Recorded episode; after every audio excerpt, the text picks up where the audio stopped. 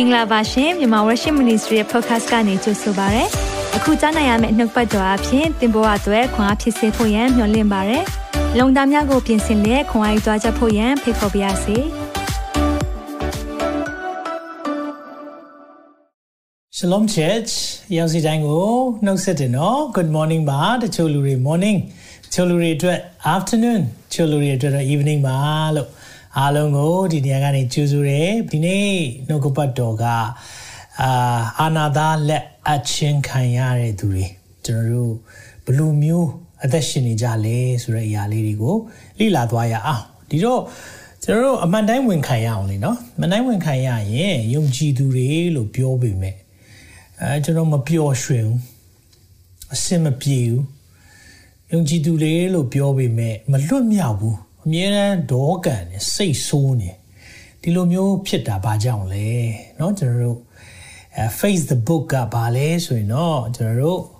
တမချန်းစာနဲ့ကျွန်တော်ချိန်ထိုးမယ်ဒါကြောင့်ဒီပုဒ်တူနေ့ Facebook အစီအစဉ်တော်တော်များများကလက်တွေ့ဆန်တဲ့အကြောင်းလိုက်အလေးတွေကိုပေါ့เนาะဒီကပြောတယ်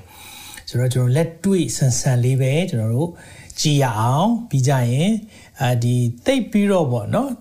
ဒီမြန်မာခရိယန်လောကမှာတိတ်မပြောကြတဲ့အကြောင်းအရာတွေကိုပို့ပြီးတော့ကျွန်တော်ဆွေးနွေးသွားကြတာဖြစ်တယ်ဆိုတော့ကျွန်တော်ဒီအစီအစဉ်အားဖြင့်ပေါ့နော်ကိုယ့်ရဲ့အသက်တာမှာ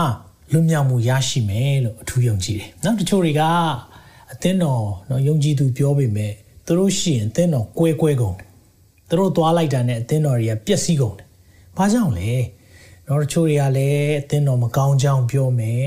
နော်တစ်ခါလေကြာရင်ကိုကိုစီမှာလာပြီးတော့ဟိုဘက်ကအမှုတော်ဆောင်မကောင်းကြောင်းနေလာပြောမယ်စသဖြင့်ဒါတွေဘာကြောင့်လဲနော်ဒါတွေကျွန်တော်တို့ရဲ့ဒီလိုလုပ်ရင်ရောဘာဖြစ်တတ်လဲနော်ဆိုတော့ဒီနေ့အာနာသာလက်အပ်ခံရတဲ့သူတွေအကြောင်းကိုဒီနေ့လေ့လာသွားမယ်ဆိုတော့ကျွန်တော်မတ်စုတွေပြင်ထားကြပြီထင်ပါတယ်เนาะကျွန်တော်လည်းမတ်စုပြင်ထားပါတယ်เนาะကိုမတ်စုကိုရှိတယ် ကိုနောက်ဘက်တော့ကိုရှိတယ်ဆိုတော့ဂျေစုပြုရင်မဆုမှတ်ပါဘာကြောင့်လဲဆိုတော့ကိုပြန်ပြီးတော့သူများကိုပြန်ပြောတဲ့ပြောပြတတ်တတ်တာပေါ့နော်ပို့ပြီးတော့ကိုမှတ်ထားတဲ့အရာလေးကိုပို့ပြီးတော့သူများကိုလည်းသင်ပေးလို့ရတယ်ဒါကြောင့်အားလုံးကိုဒီနေ့မှာတွေ့ရလို့ထူးဝမ်းသာတယ်ကျွန်တော်တို့ဝန်ခံနေကြနှုတ်ဘက်တော်လေးဝန်ခံရင်းနဲ့တတအောင်အနှံ့ရအောင်ဒီနေ့တော့နှုတ်ဘက်တော်သည်ကျွန်ုပ်ချီရှိမှာမိခွက်ဖြစ်၍ကျွန်ုပ်လမ်းကြီးကိုလင်းစေပါ၏အာမင်နှုတ်ဘက်တော်ရရင်သင်ဘာလုပ်ရမလဲဆိုတာလင်းရမယ် ဒီနေ့ယုံကြည်ပါတယ်သင်ရဲ့တသက်မှာဖခင်စကားပြောမယ်လို့ယုံကြည်ပါတယ်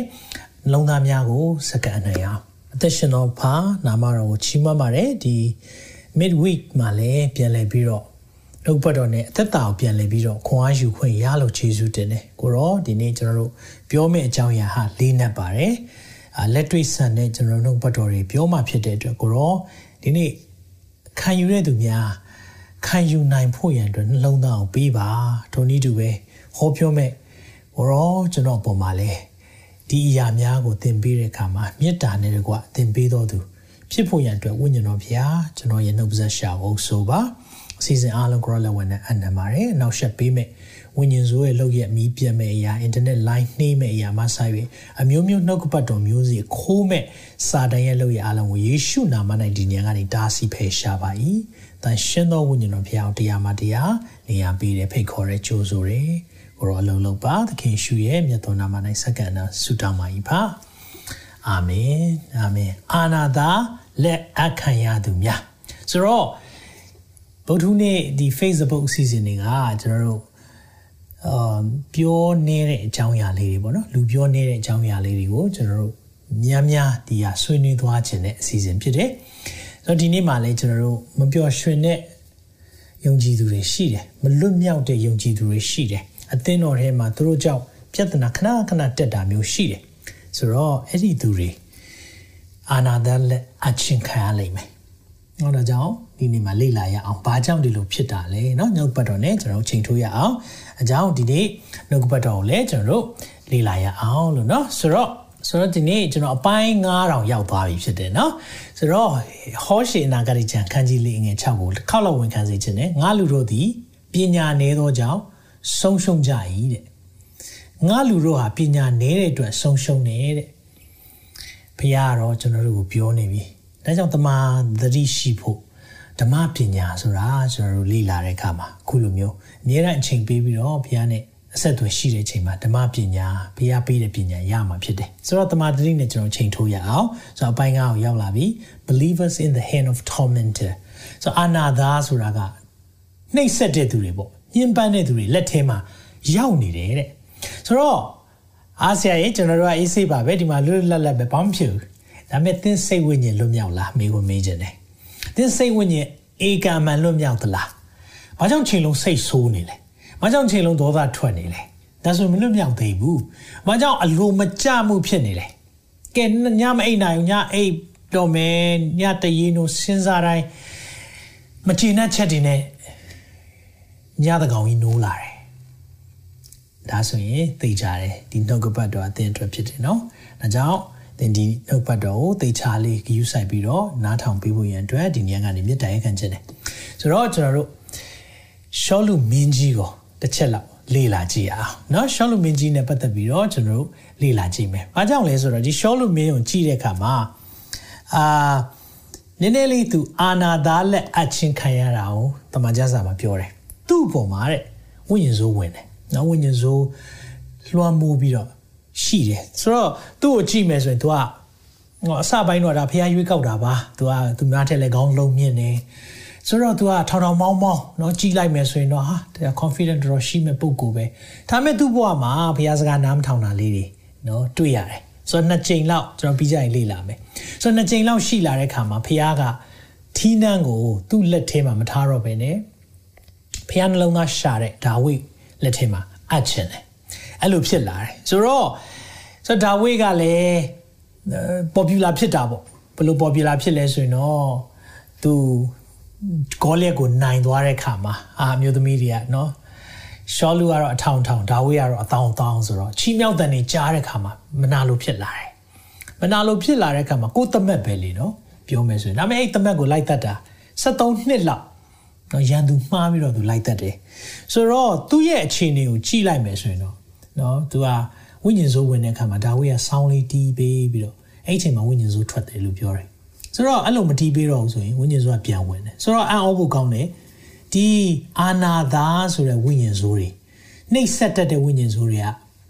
တင့်ပေါ်မှာမူတည်တယ်တင်တကားဖွင့်ရင်ဝင်လာနိုင်တယ်တင်တကားပိတ်တယ်မောင်းထုတ်တယ်ဆိုရင်ထွက်သွားတယ်ဆိုတော့ကျွန်တော်တို့ဒါလေးကိုဒီနေ့မှာအထူး ကြည့်ရအောင်ရှောလူကိုကြည့်မယ်ဆိုရင်စေးပညာအရအခုချိန်မှာကြည့်မယ်ဆိုရင်တော့စိတ်အတက်ကြတိတ်မြန်တယ်ပေါ့နော်ဘိုင်ပိုလာများရှိသလားအောက်မေးရတယ်ညဆိုတော့အဲ့လိုမျိုးပြောတဲ့အခါမှာတော့တော့ဒါကျန်းစာနဲ့သက်သေပြလို့မရပါဘူး။တစ်ချိန်ကျတော့ဒါဝေငါသားပြောပြန်ရောပြီးကြတော့လိုက်သက်ပြန်ရောဆိုတော့ဒီအစွန်းနှစ်ဖက်ထဲမှာပေါ့နော် bipolar ရှိတယ်လို့ပဲခံစားရတယ်။နောက်ပြီးရင်တော့ narcissist ပေါ့အတ္တသိကြီးလွန်းတယ်။နော်အတ္တသိကြီးလွန်းတဲ့အခါမှာ အာနာသာလက်အချင်းခံရလိမ့်မယ်။ဆိုတော့မာနကြီးတဲ့အတ္တကြီးတဲ့သူတွေဒီနေ့မှာဂျေစုပြည့်နားထောင်ပေးပါเนาะဆိုတော့ဂျေစုတင်တယ်ဆိုတော့ဒီရဲ့နှုတ်ဘတ်တော်ကျွန်တော်တို့ဓမ္မရာဇဝင်16ထဲကနေကောက်နှုတ်ထားတယ်ဒါလေးကိုအရင်ဖတ်ကြည့်အောင်အငယ်ဆက်လေသာရဖျိုက်ဝိညာဉ်တော်ဒီရှောလူမှထွက်သွား၍တန်ရှင်သောဝိညာဉ်တော်ထွက်သွားပြီနော်သာရဖျားထံတော်ကသိုးသောဝိညာဉ်ဒီနှောက်ရှက်တတ်၏တဲ့ခရိယန်တော်တော်များများဒီရဲ့ကျမ်းစာကိုဖတ်တဲ့အခါမှာစိတ်နည်းနည်း အဲနားမလည်မှုရှိတယ်။ဘာကြောင့်လဲလို့ပြောတဲ့အခါမှာဝိညာဉ်တော်ထွက်သွားပြီးတော့ထာဝရဘုရားထံသိုးတဲ့ဝိညာဉ်ဝင်တယ်တဲ့နောက်ဆက်တယ်လို့ပြောတယ်ဆိုတော့ဒီမှာကြည့်တဲ့အခါမှာထာဝရဘုရားကသိုးတဲ့ဝိညာဉ်လွတ်တာလားမေးစရာရှိလာတယ်ထာဝရဘုရားထံတော်ကသိုးသောဝိညာဉ်တဲ့ဒီနေ့အဲ့ဒါလေးကိုအရင်ဆုံးရှင်းပြချင်တယ်ဝိညာဉ်ဇိုးတွေတော်တော်များများဘယ်ဝိညာဉ်ဇိုးပဲဖြစ်ဖြစ် tormenting ဆိုတာနှောက်ယှက်တတ်တဲ့ဝိညာဉ်ဆိုဒါမှမဟုတ်နှိပ်စက်ညှဉ်းပန်းတဲ့ဝိညာဉ်ဆိုအာနာသားလိုပဲကိုယ်မအိမ်နိုင်အောင်နှိပ်စက်မယ်ယောဂနဲ့နှိပ်စက်မယ်ဒီလိုမျိုးရှိတယ်ဆိုရင်ဒီလိုမျိုးနဲ့ဆက်ဆက်တဲ့ဝိညာဉ်ဆိုတွေရှိတယ်ဆိုတော့မကျမ်းမာချင်းကိုလည်းချီးနေခြင်းဝိညာဉ်ဆိုပေါ့နော်ဒါနှောက်ယှက်တတ်တယ်အခုလိုကြည့်တဲ့အခါကျတော့သာရဖျားထန်ဆိုးတဲ့ဝိညာဉ်ဆိုဖះကပဲလွတ်တာလားမဟုတ်နားလည်ဖို့လိုရယုံကြည်သူများ ဝိညာဉ်ဇိုးတော်တော်များများသင်ကိုတိုက်ခိုက်ခြင်းနဲ့ဆိုအခွင့်ရှိမှတိုက်ခိုက်လို့ရတယ်။သင်သင်ရဲ့အထဲကိုเนาะဒါမှမဟုတ်သင်ကိုနှောက်ယှက်ဖို့ကဖရားရဲ့ခွင့်ပြုချက်လိုတယ်။ဒါကြောင့်သူတို့ကဆိုးတဲ့ဝိညာဉ်ကဖရားစီခွင့်သွားတောင်းတယ်။ရှောလူကို တိုက်ခိုက်လို့ရမလားနောက်ရှက်လို့ရမလားဆိုတော့ဖះခွင့်ပေးလိုက်တယ်နော်ဖះခွင့်ပေးလိုက်တာဖြစ်တယ်ဒါကြောင့် ထာဝရဘုရားထံတော်သိုးသောဝိညာဉ်ဆိုတော့ဖះစီမှာသိုးတဲ့ဝိညာဉ်ရှိတာမဟုတ်ဘူးနော်အဲ့ဒါကိုလည်းနားလေစေခြင်းနဲ့ဖះကခွင့်ပေးလိုက်တာဒါကြောင့်တမန်ကျမ်းစာမှာပြောလဲဆိုတော့စာတန်ကတဲ့ညီကိုများကိုမိမိညီကိုများကိုပေါ့နော် brother တွေကိုနေ့ညမရွေးပါလို့လဲဆိုတော့အပြစ်တင်တယ်တဲ့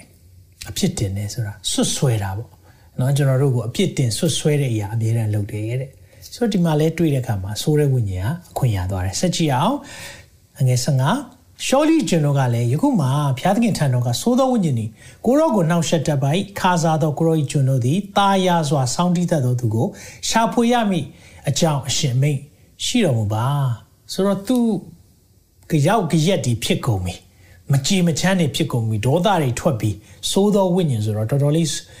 တောင်းကြမ်းပြီးဆိုးတဲ့အခါမှာ စောင်းတီးတတ်တဲ့သူတယောက်ရှာခွင့်ပေးပါတဲ့အထံတော်ကသိုးသောဝိညာဉ်လာတော့အခါတဲ့အဲ့မှာလာတယ်နော်ခဏခဏလာတယ်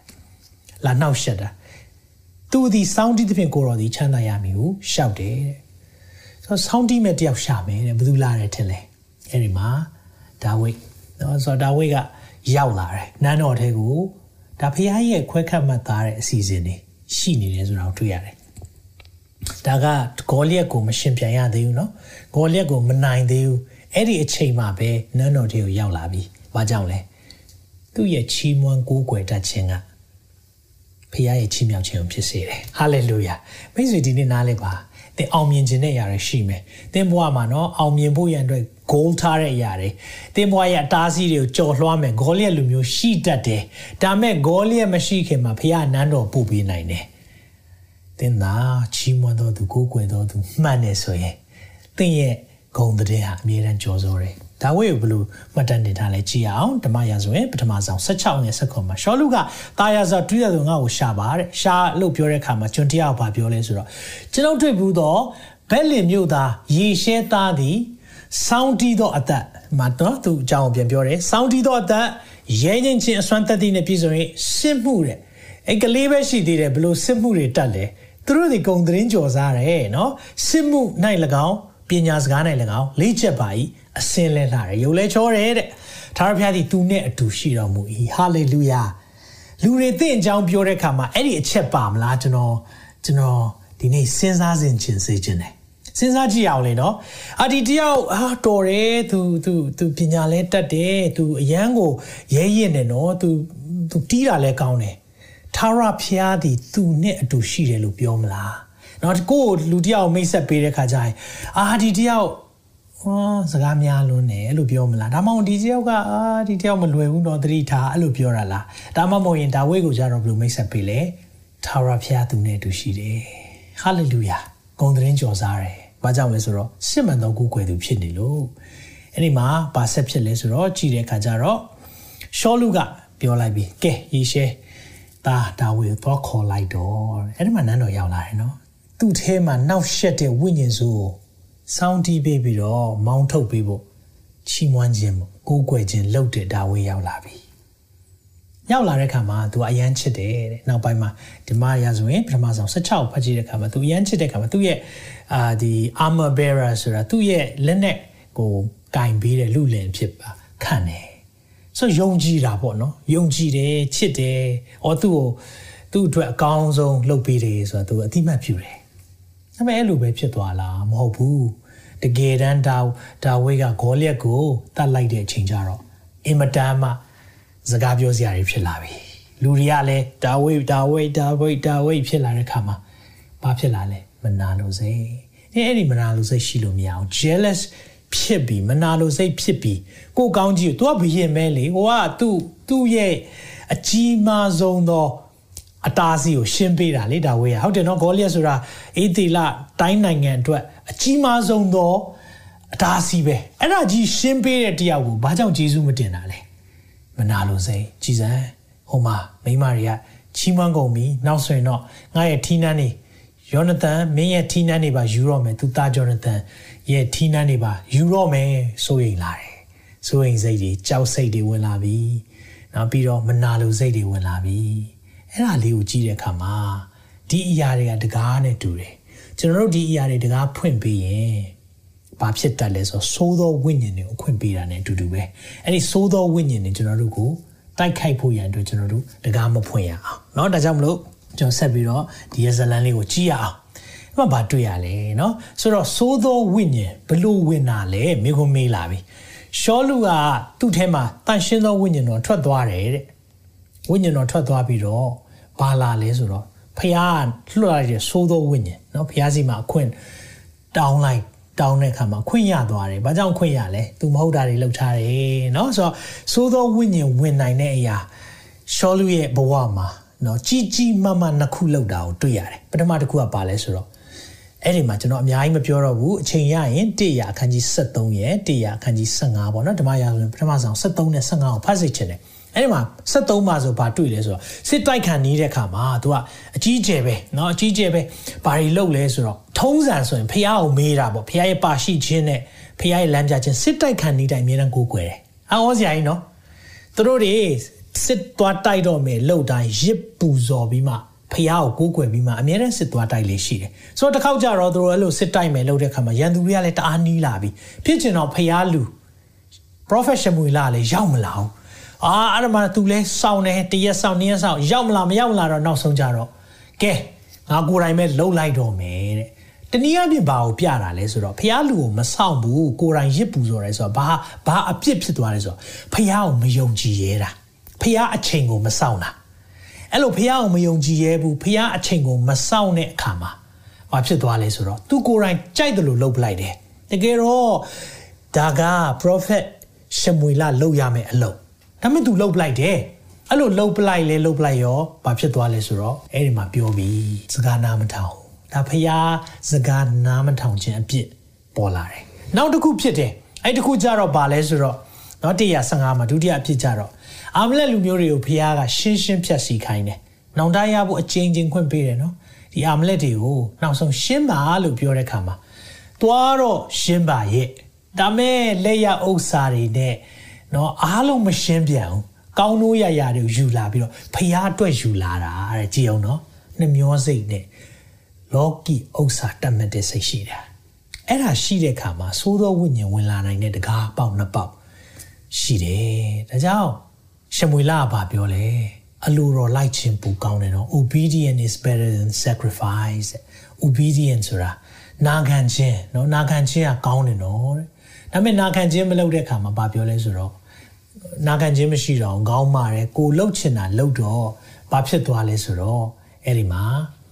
နော်ကျွန်တော်စံစာနဲ့တစ်ချက်ကြည့်အောင်နော်ကျွန်တော်စိတ်ထဲမှာပြောဖို့လိုတယ်လို့ခံစားရလို့ကျွန်တော်ပြောပြောချင်ပါတယ်ဓမ္မရာဆိုရင်15တဲ့ကနော်ဓမ္မရာဆိုရင်ထွားဆိုအခန်းကြီး15ပါအငယ်22မှာဗာပြောလဲဆိုတော့ရှမွေလကလည်း22ထာဝရဘုရားအိမိန်တော်ကိုနားထောင်ခြင်း၌အားရတော်မူသည်ဖြင့်မိရှုရရစ်အစရှိသောရစ်မျိုးတို့ကိုပူဇော်ခြင်း၌အားရတော်မူမည်လောတဲ့ပြောပြီး ရစ်ပူဇော်ဖို့ဖះကိုပေးဖို့လောက်တာထက်ဖះစကားနားထောင်တာလို့ခြင်းတယ်အဲ့ဒီမှာပြောလိုက်တဲ့စကားကျွန်တော်တို့မကြာခဏကြားဘူးတယ်အလိုတော်တို့လိုက်ခြင်းသည်နောက်ကလိုက်ပြောပြပါအလိုတော်တို့လိုက်ခြင်းသည်ရစ်မျိုးထက်တာ၍ကောင်း၏နားထောင်ခြင်းသည်တိုးထီးစီဦးထက်တာ၍ကောင်း၏နားထောင်တာဖះလို့ခြင်းတယ်ဆိုတော့ဖះဆန်းတာပေါ့နော်သူ့ကိုမရောက်လားမရောက်လားနောက်ဆုံးချိန်ထိတကယ်တော့ဖះကသူ့နီးရမှာနဲ့သူ့ချိန်နဲ့အလုပ်လုပ်ပြီးသား လောစရာမလိုအဲ့လိုဖြစ်တဲ့ခါမှာညင်းဆန်တဲ့သဘော23ဒီနှုတ်ကပတ်တော်ဖတ်တိုင်းယုံကြည်သူများအင်မတန်မှတုံလုံးခြောက်ချဖို့ဖြစ်တယ်။ဘာပြောလဲသိလား။တိရခန်းကြီး15အငယ်23ပါ။ညင်းဆန်သောသဘောသည်နတ်ဆိုးနဲ့ပေါင်းခြင်းကဲ့သို့၎င်းတဲ့။ညင်းဆန်တဲ့သဘောရှိတယ်။ဒါကြောင့်ကလေးငယ်တွေကိုမိသားစုကိုသားသမီးတွေထဲမှာညင်းဆန်တဲ့သဘောရှိလာပြီဆိုအဲ့ဒါသဘောပေါက်လိုက်သေချာဆုံးမပေးဖို့လိုတယ် ဖះနီးယာမနဲ့ပြောတာဖြစ်တယ်နော်ညင်းဆန်တဲ့သဘောတွေရှိလာပြီမနာခံခြင်းဦးခေါင်းဆောင်အသင်းတော်တွေထဲမှာအများကြီးတွေ့ရတယ်ဦးဆောင်တဲ့ခေါင်းဆောင်မနာခံခြင်းဘူးအဲ့လိုဖြစ်လာပြီဆိုညင်းဆန်သောသဘောကဘာဖြစ်လဲသိလားနတ်ဆိုးနဲ့ပေါင်းဖော်ခြင်းတို့၎င်းကဲ့သို့၎င်းခိုင်မာသောသဘောတဲ့ဒါဆိုခေါင်းမာတာကိုပြောတာခိုင်မာသောသဘောဒီဘေးဒင်တဆာကိုသုံးချင်းကဲ့သို့၎င်းအဖြစ်ကြီးတဲ့ဘေးဒင်ကြည့်တယ်လို့ပဲအဖြစ်ကြီးရနော်တဲ့ နတ်ဆိုးနဲ့ပေါင်းတယ်လို့ပဲအဖြစ်ကြီးရနော်တဲ့ဆိုတော့ဒီစကားလေးကြားတဲ့အခါမှာယုံကြည်သူများကျွန်တော်တို့ညှင်းဆန်တဲ့သဘောများရှိနေလား။နော်အမြဲတမ်းတစ်ခုပြောလိုက်ရင်တစ်ခုအမြဲတမ်းပြောခြင်းတယ်ညှင်းဆန်တဲ့သဘောများရှိနေလား။ဒါမှမဟုတ်ခိုင်မာတဲ့သဘောရှိလား။ဒါဆိုရင်တော့သိကြတယ်။နတ်ဆိုးနဲ့ပေါင်းတာဘေးတင်မေးတာနဲ့အတူတူပဲတဲ့။ဘေးတင်တစားကိုသုံးတယ်ဆိုတာဖះမကြိုက်တဲ့အောက်လန်းတွေလောက်တာနဲ့အတူတူဖြစ်နေတယ်တဲ့။ နော်ဒီလိုမျိုးဖြစ်လာပြီဟေ့ဆိုရင်တော့ကျွန်တော်တို့အရန်ကိုသတိထားဖို့လိုတယ်ဒါကြောင့်မလို့ဒီတကားနှစ်ခုမဖွင့်မိဖို့လိုတယ်ကျွန်တော်တို့လည်းဖွင့်တတ်တယ်နော်ဖွင့်တတ်လို့ပြောတာဖြစ်တယ်ဒါကြောင့်ဒီလိုဖြစ်လာပြီဆိုရင်တော့အာနာသားလက်အချင်းခံရတတ်တယ်ဆိုတော့ဒီအာနာသားလက်အပ်တာနဲ့ပတ်သက်ပြီးတော့ကျမ်းစာဓမ္မသစ်ကိုသွားရအောင်နော်ကျွန်တော်ဓမ္မဟောင်းက ပြောတဲ့အကြောင်းအရာလေးဓမ္မသစ်ထဲမှာသခင်ယေရှုပြောတာပို့ပြီးရှင်းတယ်ဒါကြောင့်ကျွန်တော်ဒါလေးကိုနားလဲစေခြင်းတယ်အပြစ်မလွတ်တဲ့ကျွန်ရဲ့ဥပမာเนาะဒါကိုကျွန်တော်အခက်ခဲဆုံးစာမှုပွဲဆိုတဲ့အကြောင်းမှလည်းပြောမှုတယ်ဒါပေမဲ့ဒီနေ့ပြောမယ့်အရာလေးကနည်းနည်းလေးအထူးခြားတဲ့အရာလေးတခုပြောခြင်းတယ်ဆိုတော့မာသဲ18 21ကနေဖတ်ခြင်းနဲ့ထိုအခါပေတရုသည်ချင်းကပ်၍သခင်ညီကိုသည်ကျွန်ုပ်အပြစ်ကိုပြစ်မှာကျွန်ုပ်သည်သူဒီအပြစ်ကိုဘယ်နှချိန်လွှတ်ရမလဲခုနှစ်ချိန်မြောက်အောင်လွှတ်ရမလားလို့ပြောတော့ယေရှုကပြောလဲ ခုနှစ်ချိန်မြောက်အောင်လွှတ်ရမည်ငါမဆိုအကျိန်80ခုနှစ်လီမြောက်အောင်လွှတ်ရမည်ဆိုတယ်။ဘာကြောင့်လဲဆိုတာဥပမာပေးပြီးကောင်းကင်နိုင်ငံအကြောင်းပြောတယ်မင်းကြီးရှိတယ်လို့ပြောတယ်စီးရင်ယူတဲ့အခါမှာတဲ့ကျွန်တယောက်ကအကျွေးငွေအခွက်သိမ့်ပြောကြည့်ပါငွေခွက်သသိန်းငွေခွက်သသိန်းအဲ့ဒါကိုကျွန်တော်ပြောမှုပါတယ်ဘလောက်အခုခေတ်ငွေနဲ့တန်ဖိုးကြီးမလဲဆိုဒါကဖခင်ကကျွန်တော်တို့မြင်သာအောင်ဥပမာပေးတာဖြစ်တယ်နော်ငွေခက်သသိန်းကအခုချိန်မှာ5 billion ဒေါ်လာလောက်တန်ဖိုးရှိတယ် 5 billion ငွေနော်တန်9000လောက်တန်ဖိုးရှိတယ်ပြောချင်တဲ့သူကအယမ်းများတယ်အဲ့ဒါအကျွေးတင်တယ်တဲ့ဒီတယောက်ဘာကြောင့်အဲ့လောက်အကျွေးတင်တာလဲပြီးရင်ကျွန်တော်ပြောပြမယ်ကျွေးဆက်ရမရှိတော့တဲ့အသားသမီးတွေအားလုံးဥစ္စာတွေရောင်းပြီးကျွေးဆက်ဖို့သခင်ကပြောတယ်ပြောလဲပြောလိုက်ရောဘာလုပ်လိုက်လဲဆိုတော့ထိုကျွန်ကညွတ်ပြက်ဝတ်တွားပြီးတော့သခင်စီမှာအင်မတန်မှတောင်းပန်လိုက်တယ်သခင် ကျွန်တော်ဒီခါမှာကျွေးရှိသမျှကိုဆက်ပေးမယ်လို့ပြောတဲ့ခါမှာသခင်ကသနာတယ်တဲ့သနာတဲ့ခါမှာကျွေးရှိသမျှကိုချမ်းသာပေးလိုက်တယ်တဲ့အားလုံးကိုလျှော်ပေးလိုက်တယ်5 billion ဒေါ်လာเนาะပေးစရာမလိုတော့ဟာအားလုံးကိုလျှော်ပေးလိုက်တော့အရန်ဝမ်းသာပြီးအိမ်ပြန်သွားတယ်ဒါပေမဲ့သူပြန်ထွက်သွားတဲ့အခါမှာတခုဖြစ်တယ်အငယ်28ကိုကြည့်ပေးပါထိုးကျွန်းသည်ထွက်သွားရတွင်မိမိငွေဒန္တာရီတရားတဲ့ ဒန္တာရီတရားဆိုတာက dinari dinari တရားကဘယ်လောက်နဲ့တန်ဖိုးကြီးလဲဆိုတော့ dinari 300ဆိုရင်တဲ့တစ်နှစ်လောက်အားခငွေလို့ပြောတယ်တော့ဆိုတော့အခုခေတ်ငွေနဲ့တွက်မယ်နော်သုံးပုံတစ်ပုံတစ်နှစ်ရဲ့သုံးပုံတစ်ပုံဆို၄လတင်တစ်လဘယ်လောက်ရလဲ10သိန်းရတယ်ဆို၄လဆို340ပဲရှိတယ်340ဆိုဒေါ်လာဒေါ်လာ3000ကျော်4000လောက်ပဲရှိမယ်နော်ဆိုတော့ဒါ10သိန်းရတဲ့သူပြောတာနော်ဆိုတော့ထားပါတော့နော်ဒေါ်လာ1000ထိကျွန်တော် အာနော်တတတနှစ်ကိုအာတချို့သသိန်းစားရဲဆိုပါစို့เนาะဆိုတော့ဒေါ်လာ4000လောက်ပဲတန်ဖိုးရှိမယ်ဒါမဲ့5 billion လေဆိုတော့ကိုကိုပေးထားတဲ့တန်ဖိုးကလေးလစာငွေเนาะအကယ်၍ကိုက9သိန်းတစ်နှစ်ကို9သိန်းဝင်ငွေတစ်လကို9သိန်းဝင်ငွေရှိတယ်ဆိုရင်တော့လေးလစာဆိုသိန်း20ပဲရှိတယ်သိန်း20ဆိုမြန်မာငွေအဲ American dollar နဲ့ဆိုရင်တော့ ဘယ်လောက်ရှိမလဲအာ maybe 1000ကျော်ကျော်1500 1500လောက်ပဲရှိမယ်အဲ2000ထားပါတော့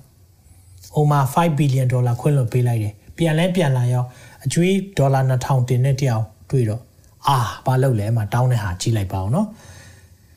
လေဘင်းကိုကင်ညစ်တယ်တဲ့ငါကျွေးဆက်ပါတဲ့အဲ့လိုပြောတယ်အဲ့လိုပြောတဲ့အခါမှာအဲ့ဒီလေဘင်းညှစ်ခံရတဲ့တယောက်ကတီးခံပေးပါတဲ့ကျွေးဆက်ပေးပါမယ်လို့ပြောတယ် သူအဲ့လိုတောင်းပန်တော့ကသူ့သခင်တော့ကသူ့ကိုခွဲလို့တယ်ဒါပေမဲ့အဲ့မှာကျတော့နားမထောင်ဘူးတဲ့ကျွေးမဆက်မချင်းထောင်ထဲမှာထည့်မယ်ဆိုတော့ခွင့်မလွတ်တာကိုပြောတာ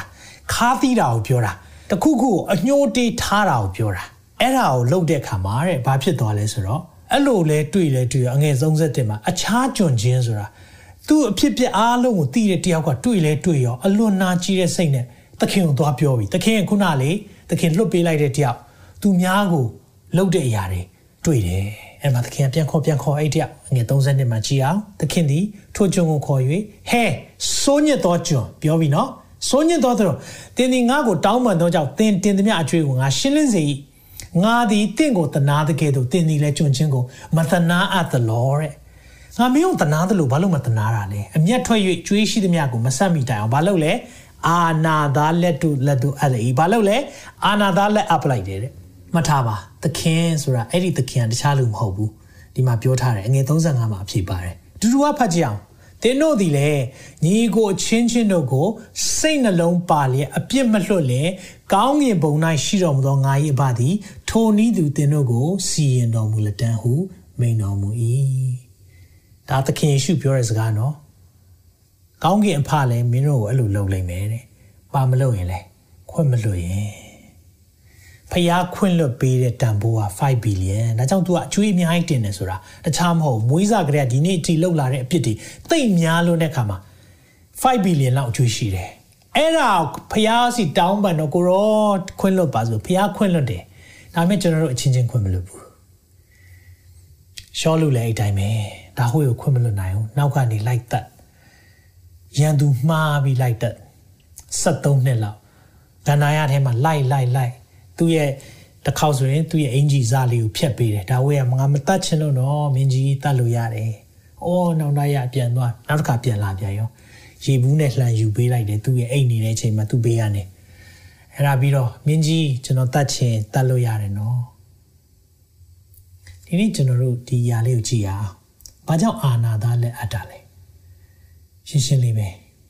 ခွင့်မလို့ရင်ခါသီးရင်နာကြီးမှုရှိရင် လူတွေပေါ်မှာဒီလိုမျိုးစိတ်ရှိတယ်ဆိုရင်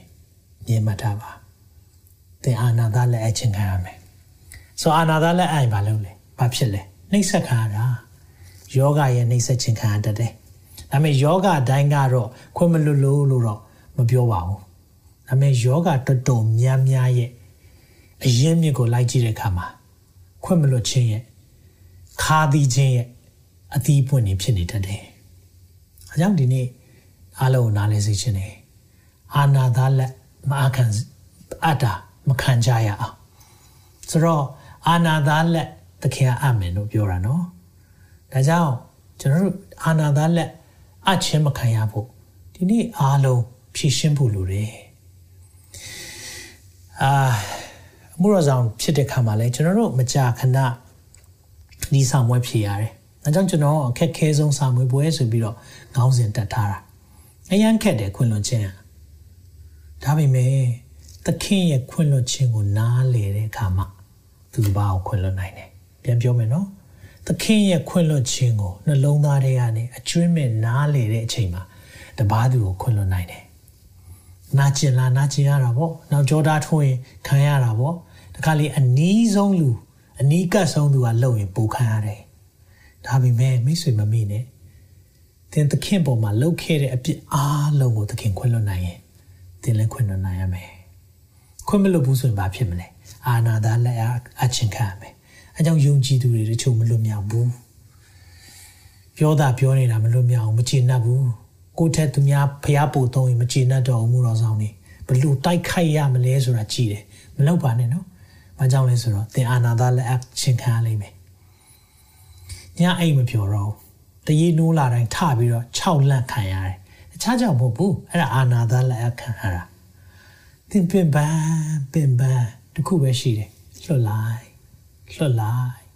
လုံးဝလွတ်လိုက်ဖះကိုခွင့်တောင်းဖះကိုဆုတောင်းဖះကိုတော့အယမ်းနာခဲ့တယ်နာတယ်နာတယ်အဲ့ချိန်မှာဖះစီမှာဆုတောင်းကိုတော့လွတ်ပေးပါကျွန်တော်ဒီကနေလွတ်ချင်တယ်အာနာသာလက်အခါမှာဆိုလို့ပြောတာ ဆရာယောဂါတွေဖြစ်ပြီလားဆုတောင်းခံကြတယ်အမြဲတမ်းပြန်ကြည့်တဲ့အခါမှာအဲ့ဒီမှာသွားတွေ့ရတယ်ကျွန်တော်ပြောမှုပါတယ်ဒီ story မလေးရှားမှာကျွန်တော်အာတင်နန်းပေးပြီးတော့အဲ့ဒီပြန်မဲ့နေ့မှာပဲမနေ့မှာလူတယောက်ဖုန်းဆက်လာဆရာလေစိတ်မစင်းခင်မှာကျွန်တော်ဆုတောင်းခံခြင်းပါတယ်တဲ့လာတွေ့လို့လာတွေ့ပြရစေတဲ့ကျွန်တော်အရန်နေမကောင်းဖြစ်နေပါတယ်ကဲလာခဲ့ပါဆိုတော့သူလာတယ်လာတော့ဘာဖြစ်လဲလို့ပြောတော့နှလုံးယောဂ စီယုံ6ခါလောက်တက်တယ်ရှာသမျှငွေအားလုံးကုန်တဲ့အပြင်ကိုအကျွေးပါတင်တယ်ဒါပေမဲ့သူ့ကိုဆူတောင်းပေးမယ်သူပြောတဲ့ချိန်မှာဝိညာဉ်တော်နှိုးဆော်တဲ့အရာသူ့ကိုပြောလိုက်တယ်ခင်ဗျားခါသီးတာခွင့်မလွတ်တာရှိလားလို့ပြောတော့ဆရာဘယ်လိုသိလဲဝိညာဉ်တော်စကားပြောနေတယ်အဲ့ဒါသူပြောပြတယ်ကျွန်တော်သားလေးရင်နှစ်တည်သွားတယ်တဲ့အဲ့ဒီချောင်းမှာရေကူးဖို့ခေါ်သွားတဲ့သူကိုကျွန်တော်အင်မတန်မှဒီနေ့အထိတတ်ချင်တာတဲ့သူ့ကိုတိုက်ဖို့ရန်အတွက်ပဲ မလေးရှားကိုလိုက်လာတာဖြစ်တယ်ကျွန်တော်ချက်သိမ်းမွေးညင်းနေထားသွားတယ်ဝေါဟာခင်ဗျားလိုလုပ်လို့မရဘူးဘာကြောင့်လဲဆိုဖះကတင့်ကိုခွင့်လွတ်တာအဲ့ဒီလူတင့်ပေါ်မှာလှုပ်တဲ့အပြစ်ထက်တင်ဖះပေါ်လှုပ်တဲ့ပြစ်ပူများတယ်5ဘီလီယံလောက်တန်ဖိုးရှိတယ်အဲ့ဒါခွင့်လွတ်တယ်ဒါနားလေလားဆိုကျွန်တော်ခုရှင်းပြရအောင်သူ့ကိုပြောပြလိုက်တယ်မသက်ဆက်ရှိတဲ့အဲ့လိုလည်းပြောပြလိုက်အောင်သူကကျွန်တော် ကျွန်တော်နားလေသွားပြီဆရာကျွန်တော်ခွင့်လွတ်မယ်အဲ့နဲ့ကျွန်တော်ဆူတောင်းပေးမယ်လို့ပြောဆရာသက်တာတယ်သူအသက်ရှူဖို့တောင်ခက်နေတဲ့တရားကအဲ့ဒီစုမတောင်းခင်မှာပဲလေခွင့်လွတ်မယ်လို့ပြောတဲ့အခါမှာချက်ချင်းကြမ်းပါတယ်အာနာသားတွေထွက်သွားရပြီအာနာသားတွေလက်မခံထားတော့နဲ့အာမင်ညဦးရ၌ငွေငိုကြွေးခြင်းသည်လာ၍တဲခို၏နနဲ့ရ၌ချီးမွမ်းခြင်းကိုဟာလေလုယာ လာမတဲခိုင်းတော့နဲ့အဲ့ဒါတွေအိမ်ရှင်တွေမလုပ်ခိုင်းတော့နဲ့ခါသီးချင်းတွေကဧည့်သည်တွေပဲပြန်ခိုင်းလိုက်တော့ခွင့်မလွတ်ချင်းတွေဒီနေ့တကားဖွင့်ပြီးအကုန်လုံးမောင်းထုတ်ပလိုက်တော့သွားငါဒါတန်ရှင်းသောဝိညာဉ်တော်ရဲ့ဗိမာန်တော်ဖြစ်တယ်ဘာမှမဆိုင်တဲ့ဟာတွေအကုန်ထွက်သွားကြဒီနေ့မောင်းထုတ်ပါမောင်းထုတ်ပါအကုန်လုံးသွားခိုင်းလိုက်အာမင်ဧည့်သည်ကိုဧည့်သည်နေရာမှာထားပြဿနာဧည့်သည်ကိုအိမ်ပေါ်ခေါ်တင်ခေါ်တင်ခေါ်တင်နဲ့နောက်ဆုံးပါဖြစ်သွားသူကအိမ်ကိုပိုင်သိမ်းလိုက်ရောအဲကြောင့်တင်မကြမ်းပါလား ဒါကြောင့်သင်ကိုယ်ကာယမှာထိခိုက်မှုရှိတယ်လို့စိတ်ပိုင်းဆိုင်ရာလည်းမလွတ်မြောက်ဘူးအမကျေနပ်ချက်တွေတယောက်နဲ့တယောက်တွေ့ပြီးဆိုရင်ပြောပြီးဒီတယောက်ငါ့ကိုလှုပ်လှုပ်သွားတာခဏခဏကြားတယ်ဟိုဓာပြဟောင်းဖွင့်တယ်အဲ့ဒါနားတော့ထောင်ပေးရတာပေါ့နားထောင်ပေးလဲမင်းတို့ကငါ့ကိုနားမလည်ပေးဘူးနားမလည်ပေးပါဘူးအဲ့လိုမဟုတ်ဘူးပြောတယ်မရဘူးဒီတယောက်လေးဒီတဲအောင်ဆရာနဲ့ခုနှစ်နှစ်လောက်ရှိပြီခဏခဏလက်ပြဟောင်းဖွင့်တယ်ယောဂါရ တစ်ခုပြီးတစ်ခုတိုးဒါကြောင့်မလို့ကျွန်တော်နားလဲစေချင်တယ်အာနာသားတွေမောင်းထုတ်လိုက်တော့ပြန်ခိုင်းလိုက်တော့အာမင်ဒါကြောင့်ဒီနေ့အာနာသားလက်လုံးဝအာမခံပါနဲ့နော်ဒါကြောင့်ဒီနေ့ဘယ်လိုမျိုးအာနာသားတွေရှိရင်မောင်းထုတ်မလဲဘယ်လိုဖြည့်ရှင်းမလဲကျွန်တော်လက်တွေ့လုပ်နိုင်တဲ့အရာလေး၃ခုပေးခြင်းတယ်နော်နံပါတ်1ကိုယ့်ရဲ့ကောင်းကြီးကိုရေတွက်ပါပြောကြည့်ပါကိုယ့်ရဲ့ကောင်းကြီးကျွန်တော်ဒီမှာ ကောင်းကြီးရေတွက်ပါလို့မပြောတာဘာကြောင့်သိလားယုံကြည်သူများကလေကိုယ်ကောင်းကြီးမရေတွက်ပဲနဲ့သူများကောင်းကြီးတွေရှောက်ရေတွက်ပေးတတ်တယ်အဲ့ဒါကြောင့်ကိုယ့်ရဲ့ကောင်းကြီးရေတွက်ပါကိုယ့်ကိုဖျားပြုတ်တဲ့အရာတွေကိုခြေစုတော်ချီးမွမ်းပါဖျားရှင်သိတ်ကောင်းမြတ်လိုက်တာမနဲ့ထလာတဲ့ခါမှာကိုရောနိုးထခွင့်အတွက်ခြေစုတင်တယ်ရှူရှက်ရတဲ့လေအတွက်ခြေစုတင်တယ်ဟာလေလုယာ ဟာလေလုယာဒီနေ့ဝင်ခံပါကိုကောင်းကြီးနော်သူများကောင်းကြီးမဟုတ်ဘူးနော်ကိုမိသားစုရဲ့ကောင်းကြီးကိုရောဘာပဲပြောပြောကျွန်တော်တော်ထဲမှာပြေးနေရတဲ့အခြေအနေမဟုတ်ပဲအိမ်မှာနေရလို့ဂျေဇုတင်တောမှာပြေးနေရကိုတော့ဒါပေမဲ့အသက်ရှိနေသေးလို့ဂျေဇုတင်တယ်ဟာလေလုယာအသက်ရှိတော်သူတော်ပေါင်းတော်ထာဝရဘုရားကိုချီးမွမ်းကြစေအာမင် ကျွန်တော်အသက်ရှူနေသေးတယ်ဆိုရင်ရှူရှိုက်ရတဲ့လေအတွက်ဂျေဇုတင်ပါကျွန်တော်2015မှာအမြဲတမ်းပြောတယ်အောက်ဆီဂျင်ရှူရတာဂျေဇုတင်ပါနော်ဂျေဇုတင်ပါနော်ပြောတဲ့ခါမှာကိုဗစ်ဖြစ်တယ်နောက်9နှစ်ကြာတဲ့ခါမှာ2020မှာအောက်ဆီဂျင်ဘူးပြက်လက်တယ်တဲ့အဲ့ဒီချိန်ကျတော့စာရေးလာကြတယ်ဆရာဟာပြောတာရမ်းမှန်တာပဲအောက်ဆီဂျင်အတွက်ဂျေဇုတင်ရမှန်းမသိခဲ့ဘူးတဲ့ကဲဒါကြောင့်မလို့ဒီနေ့မှာတော့အခုအောက်ဆီဂျင်မလိုဘူးဒါပေမဲ့ဂျေဇုတင်ဖို့တော့လိုလားလိုသေးတယ်ဟာလေလုယာကိုယ့်ရဲ့ကောင်းကြီးရေအတွက်ပါ မနာလိုခြင်းကိုကာကွယ်တယ်အာမင်ဘာကြောင့်လဲသိလားမနာလိုခြင်းဆိုတာကိုပြောပြမယ်နော် jealous ဆိုတာကိုယ်ကောင်းကြီးရေတွက်ရမယ်အစားသူများကောင်းကြီးကိုသွားရေတွက်လိုက်တာအဲ့ဒါမနာလိုခြင်းလို့ခေါ်တယ်အာငါမှမရှိဘူးသူ့မှာရှိတယ်ဘာကြောင့် तू အဲ့လိုရှိရတာလဲဘာကြောင့် तू အဲ့ဒါတွေအဲ့ဒါတွေသုံးနိုင်ရတာလဲကိုယ်မှာရှိတဲ့အရာကြတော့မချီးမွမ်းဘူးသူများမှာရှိတဲ့အရာတွေကိုသွားပြီးတော့ရေတွက်တာအဲ့ဒါမနာလိုခြင်းထီးနားမှာဘယင်ဖြစ်နေတာအောင် ကိုဟာကိုဘယင်နေရမနေဘူးဟိုးမျိုးသမီးတွေလမ်းပေါ်မှာអော်ပြီးချီးကျူးနေတဲ့စကားကိုကြားတဲ့အခါမှာဒါဝိကိုတတ်ချင်တယ်မနာလိုစိတ်တွေ့လားအဲ့ဒီမှာအာနာသားလက်အခမ်းရတာအဲ့ဒီကနေစတာအဲကြောင့်ဒီနေ့မနာလိုခြင်းကိုခွင့်မပေးနဲ့ကိုကောင်းကြီးကောင်းကြီးတစ်ခု နောက်တစ်ခုရည်အတွက်တချင်းဆိုတယ်မလားစန်ဒေးတွေမှာဆိုကြတယ်မလားကောင်းကြီးတစ်ခုနောက်တစ်ခုရည်အတွက်ချီးမွမ်းမယ်ဆိုချီးမွမ်းစရာအများကြီးရှိတယ်သင်ဒီနေ့ကျွန်တော်အတန်ကိုကြားတယ်ဆိုတာနားကောင်းလို့ဖះကိုကျေးဇူးတော်ချီးမွမ်းလိုက်သင်ကျွန်တော်ကိုမြင်နေရလား hello မြင်ရတယ်ဆိုရင်ဖះကိုချီးမွမ်းလိုက်ပါဒီနေ့မျက်စိရှိတယ်ဖះမြင်နိုင်တယ်နောက်ဆုံးပြောမယ်သင်ကျွန်တော်ကိုအခုတိုက်ရိုက်ကျွန်တော် Australia နိုင်ငံကနေတရားဟောတာကိုကြားနိုင်တယ်ဆိုသင် internet သုံးနိုင်လို့ဖះကိုကျေးဇူးတော်ချီးမွမ်းလိုက်အာမင်သင်မှာကြည်နိုင်တဲ့ဒီရဲ့ device လေးเนาะစက်ကရိယာလေးရှိလို့အဲ့လိုမဝယ်နိုင်တဲ့သူအများကြီးရှိတယ် hallelujah ချီးမွမ်းမယ်ဆိုချီးမွမ်းစရာအများကြီးပါအာမင်အဲကြောင့်ဒီလိုချီးမွမ်းတဲ့အခါမှာဘုရားရဲ့ကောင်းကြီးမင်္ဂလာတွေအော်ငါ့ကိုဘုရားအများကြီးကောင်းကြီးပေးတယ်အဲ့ဒါလို့တာယုံကြည်သူတွေအဲကြောင့်ချီးမွမ်းကိုးကွယ်ခြင်းချီးမွမ်းကိုးကွယ်ခြင်းဆိုတာစင်ပေါ်မှာမျက်စိနှောက်အောင်ခုန်နေတယ်လို့အဲ့လိုမထင်ပါနဲ့ချီးမွမ်းကိုးကွယ်ခြင်းဆိုတာအိမ်ကစတာ ချီးမွမ်းကိုးကွယ်ခြင်းဆိုတာသင်နိုင်စတာသင်ရဲ့နှလုံးသားထဲကနေစဖို့လိုတယ်ဟေးမင်အဲကြောင့်ကိုယ့်ရဲ့ကောင်းကြီးကိုရည်တွက်ပါเนาะကျွန်တော် peace formula လေးအများအားပေးတယ်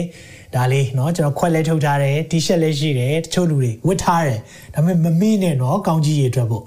ဖိလိဖိလိပ္ပိဩဝါစာခန်းကြီးလေငယ်6နဲ့ခွန်ဖတ်ချင်ပါတယ်ဘယ်အမှုကိုများစိုးရင်ခြင်းမရှိပဲအရာရာ၌ပြောကြည့်ပါ အရာရာ၌ပြောကြည့်ပါဦးအရာရာ၌ဂျေဇုတော်ချီးမွမ်းမှာသေးသေးကြီးကြီးအဲ့ဒါကိုပြောတာအရာရာ၌ဂျေဇုတော်ကိုချီးမွမ်းခြင်းနှစ်တကွတော်သေးတာပေါ့ချီးမွမ်းခြင်းမဟုတ်ဘူးဘာပါလဲဆုတောင်းပတနာပြုပါ praise နဲ့ prayer လုပ်ပါလို့ပြောတာဂျေဇုတော်ချီးမွမ်းခြင်းဆိုတာ praise ဆုတောင်းခြင်းဆိုတာ prayer praise နဲ့ prayer ကိုတွဲလိုက်တယ်ဆိုရင်ချီးမွမ်းခြင်းအပေါင်းဆုတောင်းခြင်း ဆိုရင်ဘာအဖြေထွက်လဲညီမျှခြင်းအဲ့မှာသင်တို့တောင်းပန်လို့တော့အရာကိုဘုရားကိုရှားလျှောက်ပါထို့သောပြုလင်အဘယ်သူမျှကြံရမမီနိုင်ဘုရားသခင်ညီသက်ခြင်း peace praise plus prayer equal peace လို့ comment ရေးပါဦး praise plus prayer equal peace ချီးမွမ်းခြင်းနဲ့ဆုတောင်းခြင်းပေါင်းလိုက်တဲ့အခါမှာညီမျှခြင်းကဘာထွက်လဲညီသက်ခြင်းလာတယ် hallelujah ဒါကြောင့်ဒီနေ့ကျွန်တော်မငြိမ်သက်နိုင်ဘူးဆိုရင်သိလိုက်ကျွန်တော်အမြဲတမ်းသိတယ် ငြိမ်သက်ခြင်းမရတော့ဘူးတခါလေတချို့နေ့တွေမှာစိတ်ကကဏ္ဍမငြိမ်ဖြစ်လာပြီလှုပ်ရှားတွေများပြီစဉ်းစားပြီ stress ဖြစ်လာပြီဆို peace formula လေးငါ praise ဒီနေ့လုပ်ပြီးပြီလား prayer ပဲလုပ်တာလားမရအောင်เนาะနှစ်ခုလုံးတွဲနေတယ်ချီးမွမ်းခြင်းနဲ့ဆုတောင်းခြင်းချီးမွမ်းခြင်းနဲ့ဆုတောင်းခြင်းချီးမွမ်းခြင်းနဲ့ဆုတောင်းခြင်းဒီနှစ်ခုလုပ်ပြီးဟိတ်ဆိုရင်တော့မိတ်ဆွေပါရမလဲ ညီသက်ခြင်းရရှိမှာဖြစ်တယ်ဒါကြောင့်ဆုတောင်းပါအာမင်ဆုတောင်းပါနံပါတ်1ကကိုယ့်ရဲ့ကောင်းကြီးရည်အတွက်ပါ praise လုပ်ပါနံပါတ်2ကဆုတောင်းပါအာမင်နံပါတ်3ခွင့်လွတ်ပါခွင့်လွတ်ပါခွင့်လွတ်ခြင်းမလွယ်ပါဘူးကျွန်တော်မလွယ်တဲ့အကြောင်းကိုအခက်ခဲဆုံးဆောင်ပွဲမှာအသေးစိတ်ရှင်းပြထားတယ်ဒီနေ့မပြောတော့ဘူးဒီနေ့အဲ့ဒီခွင့်လွတ်ခြင်းဆိုတဲ့အရာသခင်ကပြောလဲအဲ့ဒီမှာနောက်ဆုံးမာသဲ16မှာပြောလဲအငယ်35မှာ သင်တို့သည်လည်းညီအကိုအချင်းချင်းတို့ကိုစိတ်နှလုံးပါလေအပြစ်မလွတ်လေစိတ်နှလုံးပါမယ်နော်ပါဇက်နဲ့ခွင့်လွတ်တာမဟုတ်စိတ်နှလုံးပါမယ်ကောင်းကင်ဘုံ၌ရှိတော်မူသောငါ၏ပါသည်ထိုနည်းသူသင်တို့ကိုစီရင်တော်မူလက်တန့်ဟုမိန်တော်မူ၏ဒါကြောင့်ဒီနေ့ဖခင်ကကျွန်တော်တို့ပြောနေပြီအာနာသားလက်အပ်မယ်နော်ခွင့်မလွတ်ဘူးခါးသီးနေတယ်အာနာသားလက်အပ်မယ် ဒီနေ့ဘယ်နေရအာနာသားလက်အခမ်းရလဲမသိဘူးလက်မမြောက်ပါနဲ့เนาะရပါတယ်ကိုကိုသိတယ်အာနာသားလက်အခချင်းခံရတယ်ဆိုရင်ကိုသိတယ်ကိုသိတယ်မလွတ်မြောက်ဘူး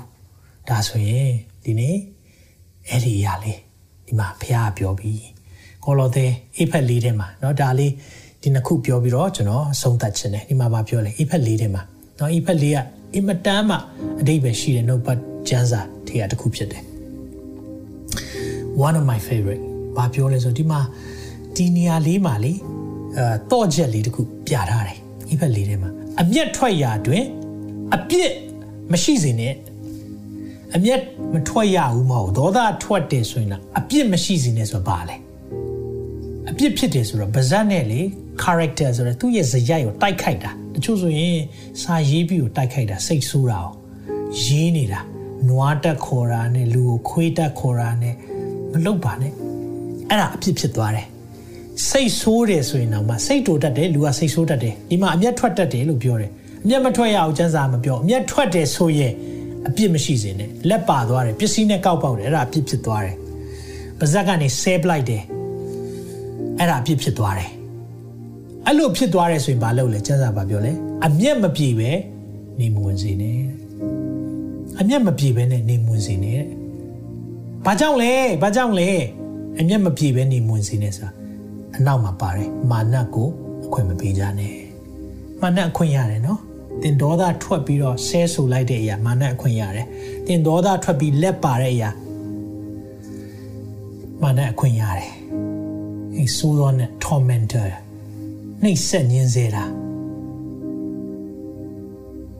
ဒီအရင်တော့ဘယင်ခစ်တွေမှာဆိုရင်ထောင်သားတွေကိုရိုက်တဲ့သူတွေလေ အဲအဲ့ဒါနဲ့ခိုင်းနိုင်တာလေစကလုံးပဲနှိပ်စက်မှာ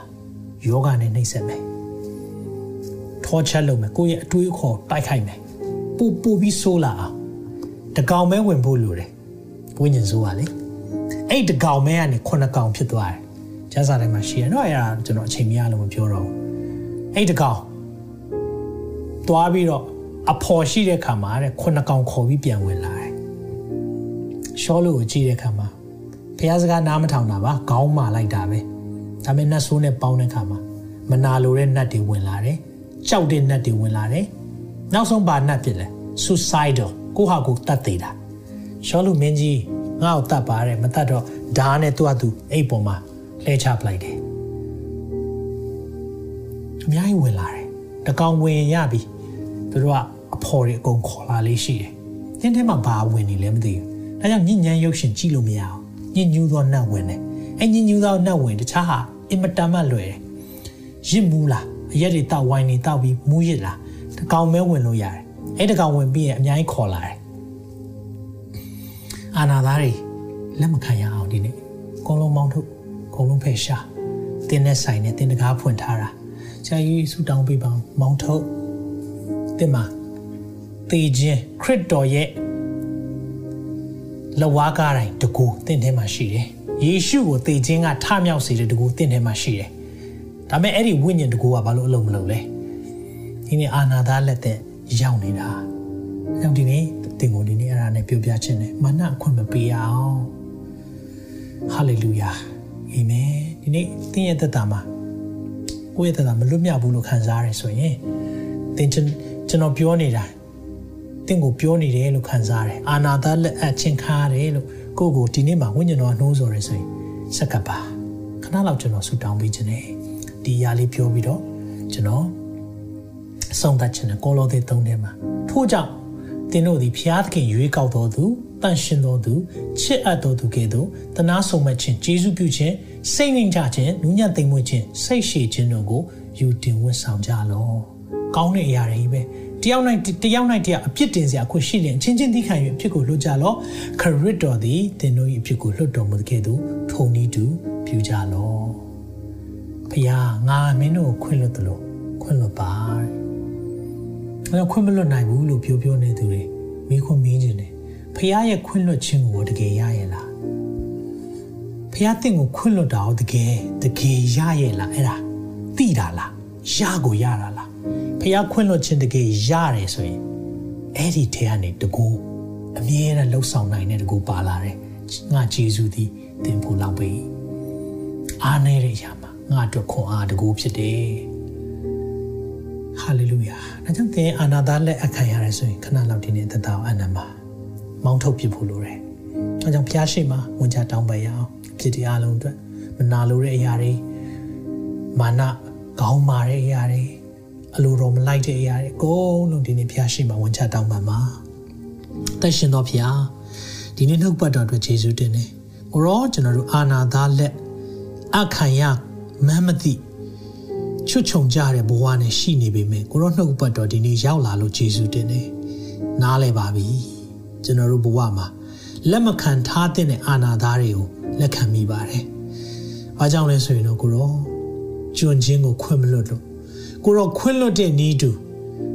သူများကိုခွင့်လွတ်ရမှန်းမသိဘဲနဲ့ခါတီးပြီးတော့အသက်တာမှာချီနှောင်မှုတွေနဲ့တွားခဲ့တဲ့အရာတွေမနာလိုမှုတွေနဲ့တွားခဲ့တဲ့အရာတွေညဉ့်ညမ်းစွာအသက်ရှင်မှုတွေအတွက်ကိုရရှိမှာဝန်ချတောင်းပန်ပါတယ်ကိုရောခွင့်လွတ်ပါဒီကျွန်တော်နောက်ကပဲအားလုံးလိုက်ဆိုပေးပါသခင်ယေရှုဖျားအားလုံးဆိုပေးပါအောင်သခင်ယေရှုဖျားဒီကနေ့မှာ အပြစ်အားလုံးအတွက်ဝင်ချတောင်းပန်ပါတယ်အထူးသဖြင့်ခွင့်မလွတ်ခြင်းခါတီးခြင်းမနာလိုခြင်းခေါင်းမာခြင်းခက်ထန်သောသဘောတွေအားလုံးအတွက်ကိုရောရှိမှဝင်ချတောင်းပန်ပါတယ်ကိုရောကိုကျွန်ုပ်ရဲ့နှလုံးသားအနှံပါတယ်ကိုရောခွန်အားအားဖြင့်ဒီဆာမွဲကိုအောင်မြင်နိုင်ပါမိကြောင်း ဝိညာဉ်တော်ဖျားမာစားပါသခင်ယေရှုနာမ၌ဆုတောင်းပါ၏အာမင်ဒီဆွေဒီဆုတောင်းခြင်းနဲ့ဒီနေ့မှာအာနာသားတွေမောင်းထုတ်လိုက်ပါတော့ဟာလေလုယာဒီနေ့အမိန်ပေးလိုက်ပါအာနာသားများမင်းတို့ကိုလုံးဝငါအိမ်မှာငါဘဝထဲမှာလုံးဝနေရမပေးဘူးယေရှုနာမ၌မောင်းထုတ်တယ်လို့ပြောလိုက်ပါဟာလေလုယာယေရှုနာမ၌မောင်းထုတ်လိုက်ပါအဲ့ဒီယေရှုနာမမှာတကူပါတယ်မဒီချိန်တည်းမှာပဲသင်ကတကားဖွင့်ပြီးလက်ခံထားရင်သင်က အပြစ်နောင်တရဖို့လိုတယ်အခုအပြစ်နောင်တရပြီမောင်းထုတ်လိုက်ပါဟာလေလုယာဒီနေ့မှာဘုရားရှင်ကသင်ကိုလွတ်ငင်းချမ်းသာခွင့်ပေးလိမ့်မယ်သင်ဘဝမှာတခါမှမကြုံဘူးတဲ့ငြိမ်သက်ခြင်းရလာလိမ့်မယ်ဟာလေလုယာအဘယ်အမှုကိုမြစိုးရင်ခြင်းမရှိပဲအရာရာ၌ဂျေဇုတော်ကိုချီးမွမ်းခြင်းနဲ့တကွာဆုတောင်းပတနာပြုသောအဖြစ်သင်တို့တောင်းပန်လိုသောအရာများတို့ကိုဖျားသခင်အားကြားလျှောက်ကြလော့ ထို့သောပြုလင်အဘယ်သူမျှကြံ၍မမိနိုင်သောဖျားသခင်၏ငြိမ်သက်ခြင်းသည်ယေရှုခရစ်အားဖြင့်သင်တို့၏စိတ်နှလုံးအလိုကိုဆောင်မတော်မူနိုင်မည်ဟာလေလုယာဖျားရဲ့နှုတ်ဘတ်တော်အလုံးလုံးမယ်ယုံကြည်ပါသလားအာမင်ဖျားရှင်အသင်ကိုအထူးကောင်းချီးပေးပါစေအာနာသားများနဲ့ဆက်ဆံခြင်းကနေလုံးဝဒီနေ့မှာရက်ပြီးတော့ဖခင်ရဲ့တန်ရှင်သောဝိညာဉ်တော်နဲ့တွားသောသူများဖြစ်ဖို့ရန်အတွက်ယေရှုနာမ၌ကောင်းချီးပေးပါရယ်။ရောက်စီတိုင်းကိုသူယေရှုတင်နဲ့ နောက်ထုတ်လွှင့်ချက်မှာပြန်လည်ဆုံတွေ့ပါအောင်မယ်။တင်ခုလိုနာဆင်ခွန်အားနိုင်ခြင်းဟာမြန်မာ Worship Ministry ကိုလာဆင်ပန်ပိုးနေကြတဲ့ Kingdom Partners များအကြောင်းဖြစ်ပါတယ်။ဖခင်နိုင်ငံတော်ကျယ်ပြန့်ရေးအတွက်လာဆင်ပေးကမ်းပောင်းဖို့ရန်ဖိတ်ခေါ်လိုပါတယ်ရှင်။